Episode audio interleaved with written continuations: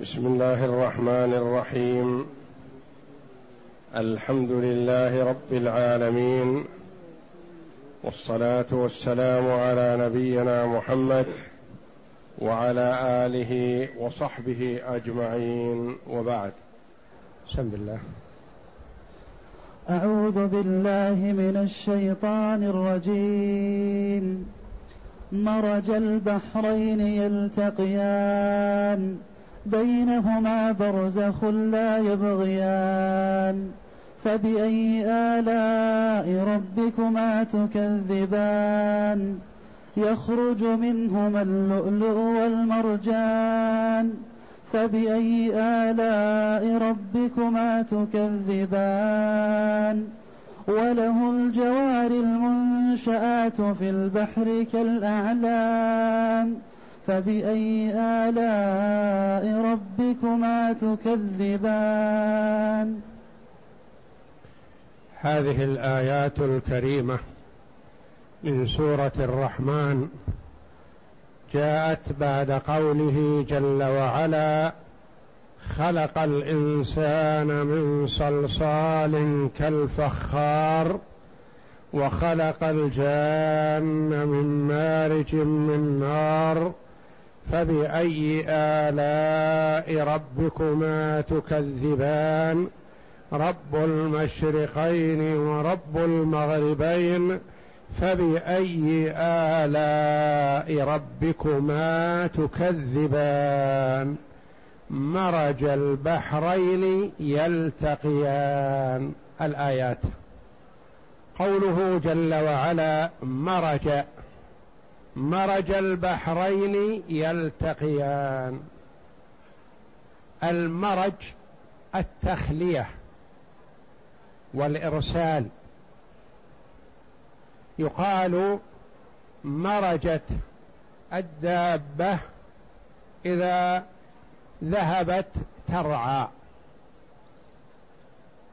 مرج أرسل البحرين.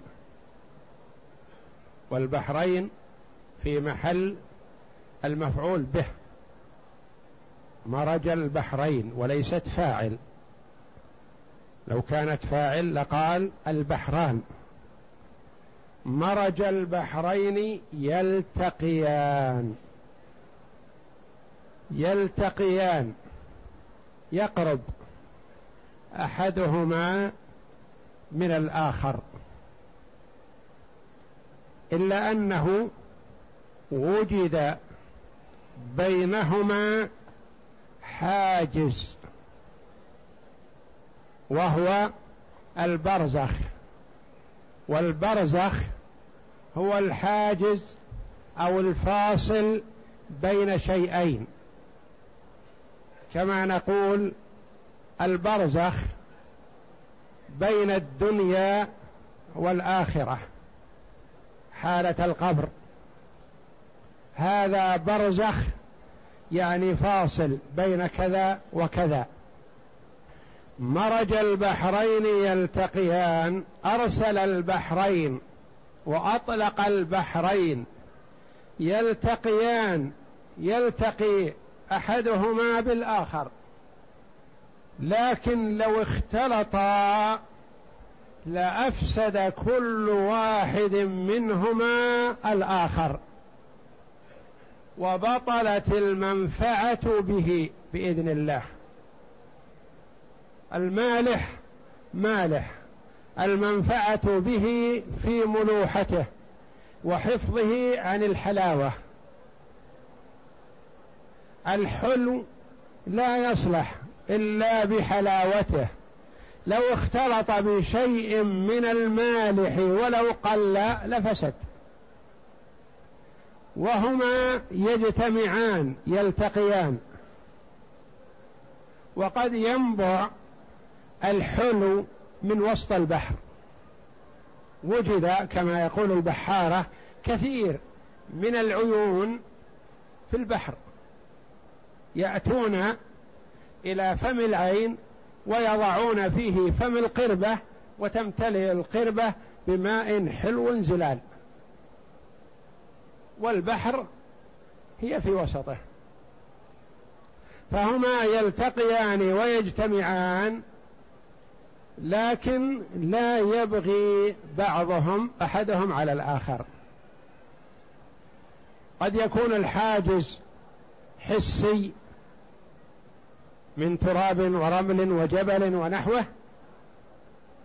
وقد يكون الحاجز معنوي قدرة الله جل وعلا ومنعه. وما المراد بالبحرين؟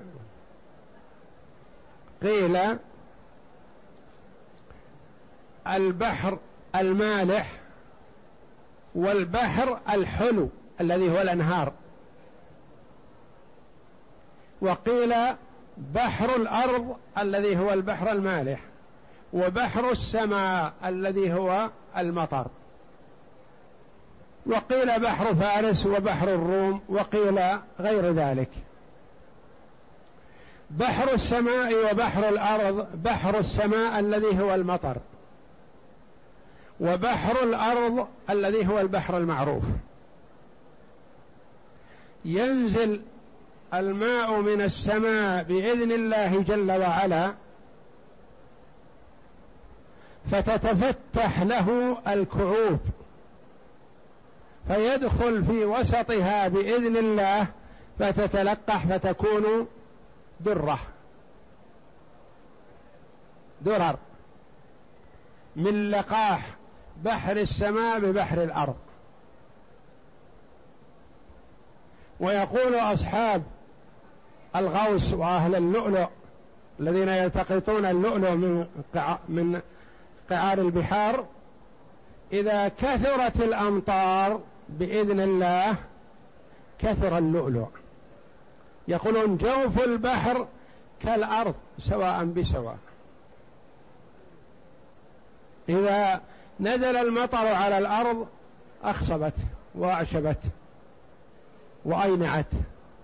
إذا نزل المطر على البحر كذلك نفع ووجدنا اللؤلؤ بكثرة. بإذن الله. فالله جل وعلا يلفت نظر عباده لدقائق حكمته وقدرته سبحانه وتعالى في تصريف الأمور وإعطاء كل ما يستحقه. المطر الذي ينزل من السماء ينتفع به في قعر البحر بإذن الله. مرج البحرين يلتقيان يلتقي هذا مع هذا. إذا اختلطا بشيء ما حصل النتاج بإذن الله. وإذا لم يرد الله جل وعلا اختلاطهما كان الحاجز بينهم. هذا شيء محسوس الآن. ائت إلى ساحل البحر. واحفر يطلع عليك الماء الحلو.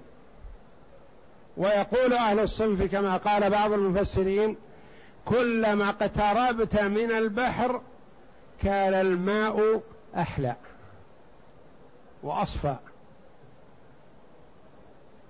بجوار البحر خمسة أمتار عشرة أمتار عن ساحل البحر احفظوا هذا شيء محسوس مشاهد. تجد الآبار والعيون على ساحل البحر ماء حلو. بينهما برزخ لا يبغيان.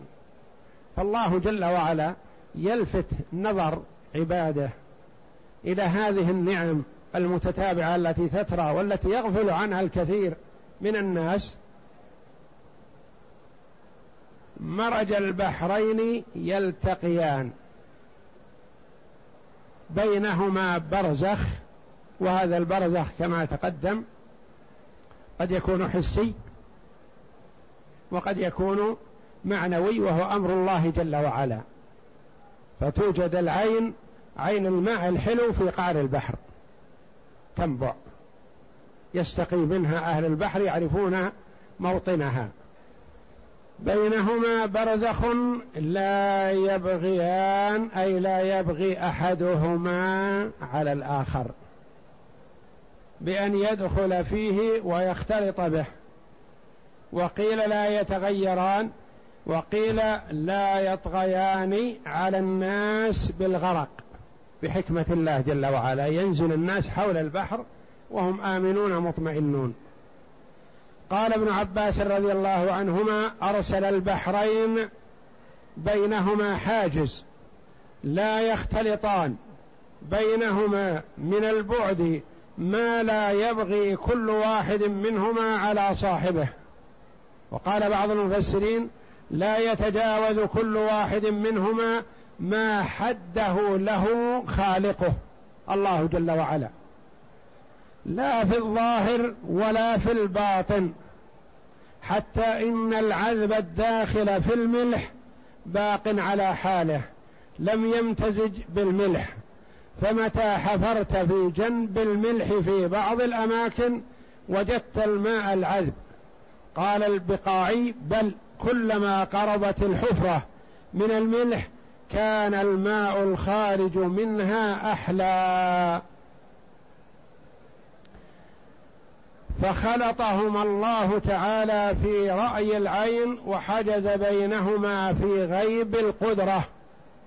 هذا وهما جمادان لا نطق لهما ولا إدراك. فكيف يبغي بعضكم على بعض أيها العقلاء؟ يقول الله جل وعلا البحران لا يبغي أحدهم على الآخر. لا يتجاوز كل واحد منهما ما حد له وهما جمادان لا عقل ولا اختيار لهما بأمر الله جل وعلا. فكيف أنتم أيها العقلاء الناس يأكل القوي الضعيف ويظلم الغني الفقير؟ فبأي آلاء ربكما تكذبان؟ أي نعم الله جل وعلا تكذبان أيها الإنس والجن. هذه نعم واضحة تترى وتتعاقب عليكم وتدركونها برأي العين كالمسخرات التي قبل ذلك. أي نعم الله تكذبون؟ ما يستطيع العاقل أن يقول إن هذا ليس بقدرة الله أو ليس بفعل الله أو ليس بأمر الله. هذا أوجد نفسه أو فعله المخلوق. ما يستطيع. فإذا كان لا يستطيع الإنكار فلما يعبد غير الله؟ لما يترك عبادة القادر المتصرف المتفضل ويتوجه إلى عبادة من لا ينفع ولا يستطيع أن يضر؟ فبأي آلاء ربكما تكذبان؟ اقرأ. يقول تعالى مرج البحرين يلتقيان. قال ابن عباس أي رسالهما يلتقيان؟ أي منعهما أن يلتقيان بما يجعل بينهما من البرزخ الحاجر الفاصل بينهما؟ والمراد بقوله البحرين المالح والحلو.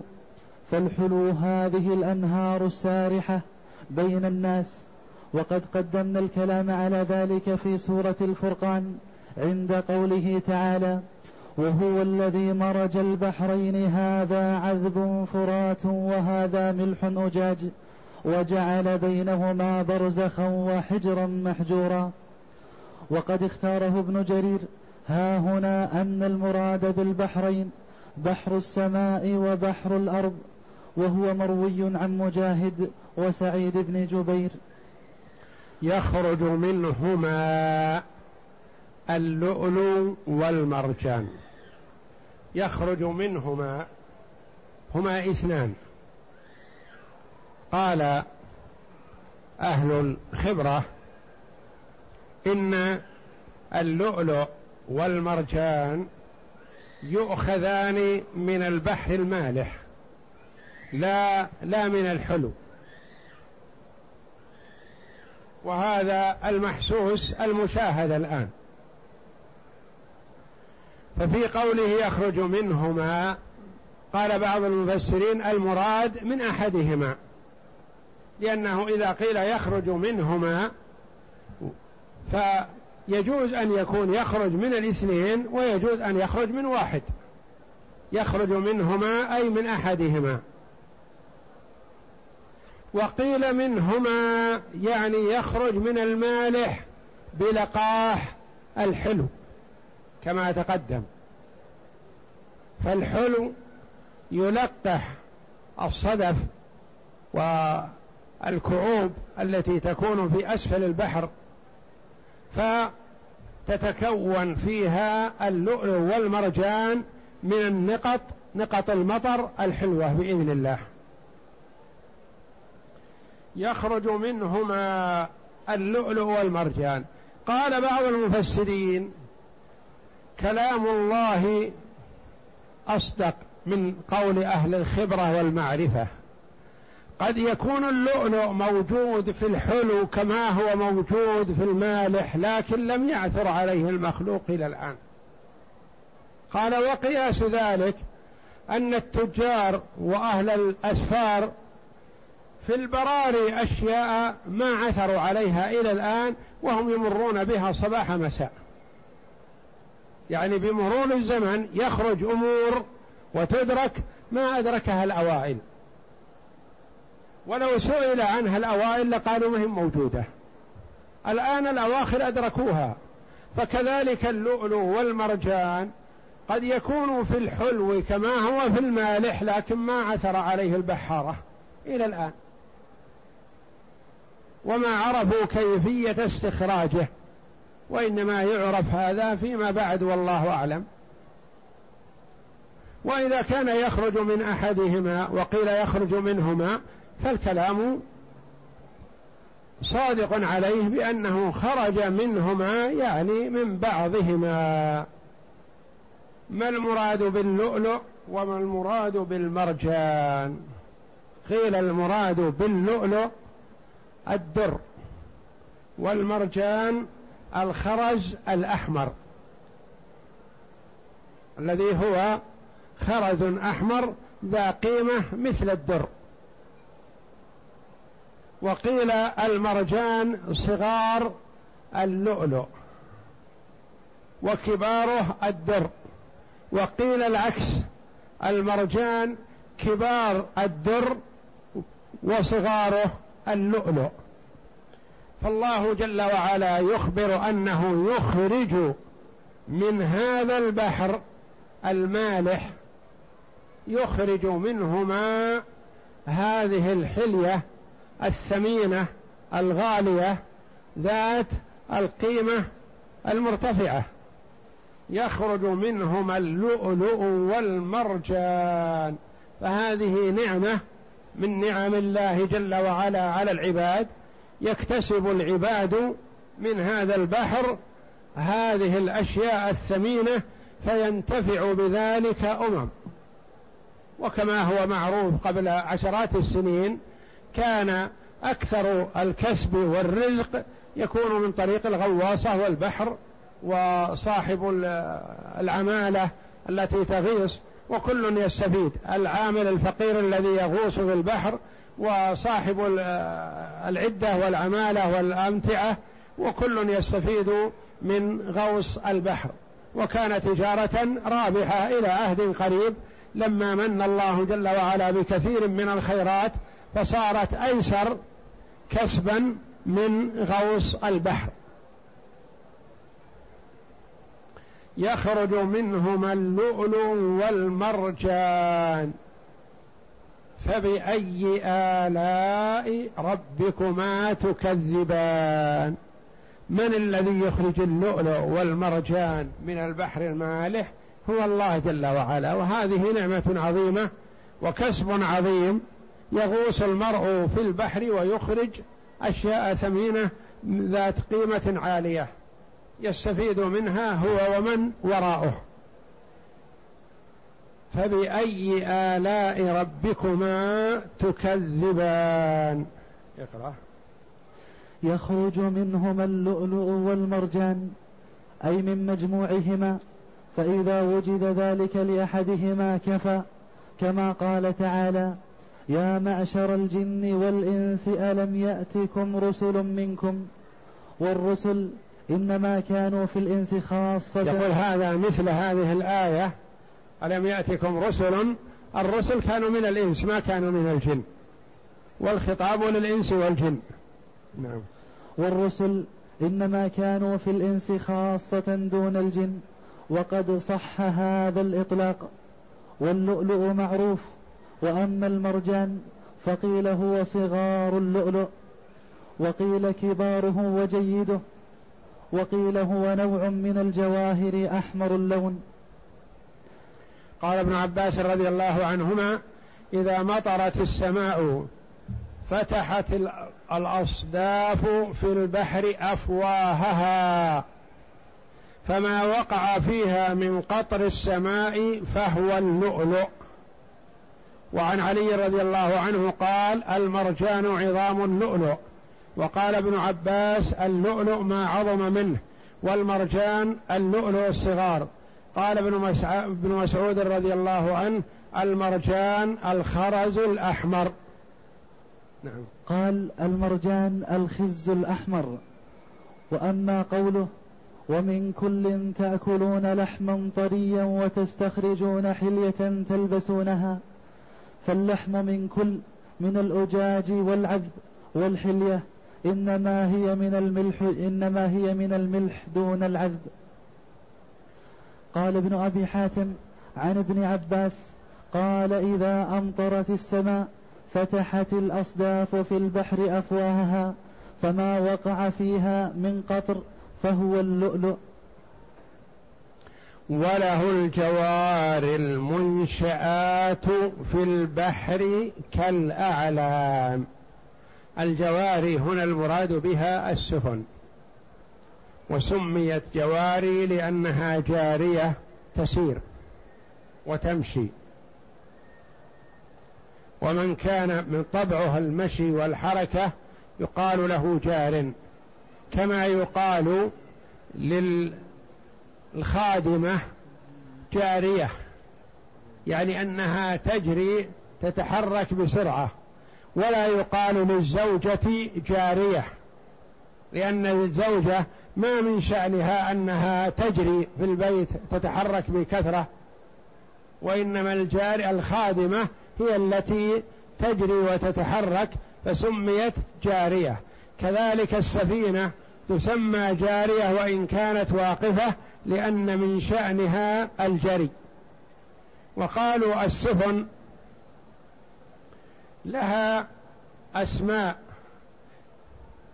تسمى منشأة وتسمى سفينة وتسمى فلك وتسمى جارية في أطوارها. قالوا منشأة وفلك ما دامت تصنع. كما قال الله جل وعلا واصنع الفلك بأعيننا ووحينا. لما كان نوح عليه الصلاة والسلام يصنع السفينة سماها الله جل وعلا فلك قبل أن تدخل في البحر وقبل أن تكون جارية وتسمى منشأة. فلما هيئت للركوب صارت سفينة. ثم لما جرت بعد ذلك في البحر سميت جارية. وله المنشآت وله الجوار المنشآت في البحر كالأعلام.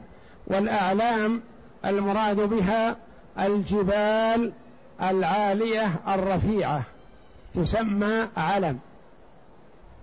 وله الجوار المنشآت في البحر كالأعلام يعني مثل الجبال العظيمة الراسية وهي تمشي وتجري بهذا الثقل العظيم بقدرة الله جل وعلا وبحفظه. ومهما وضع فيها في البحر ما تغيص في البحر بإذن الله. فيكون عليها الأشياء الثقيلة وتبقى تجري مع الهواء اليسير.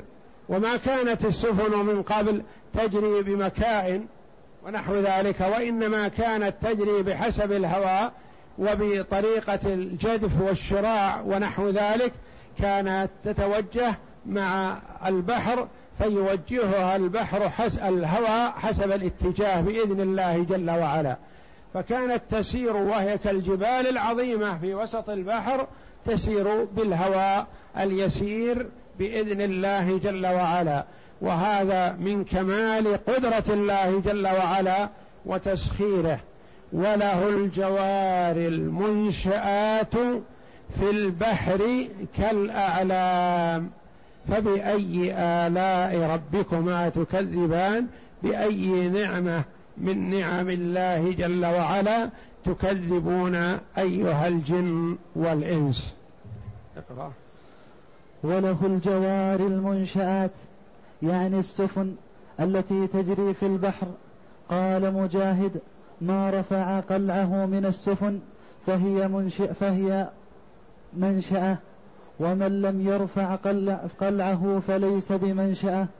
وقال قتادة المنشآت المخلوقات وقال غيره المنشأة المرتفعة وذلك أن خشبها يوضع بعضه على بعض حتى ترتفع. وقال غيره المنشئات بكسر الشين يعني البادئات كالأعلام أي كالجبال من كبرها وما فيها من المتاجر والمكاسب المنقولة من قطر إلى قطر. وإقليم إلى إقليم مما فيه من صلاح للناس من جلب ما يحتاجون إليه من سائر أنواع البضائع. ولهذا قال تعالى فبأي آلاء ربكما تكذبان؟ والله أعلم. وصلى الله وسلم وبارك على عبده ورسول نبينا محمد وعلى آله وصحبه أجمعين.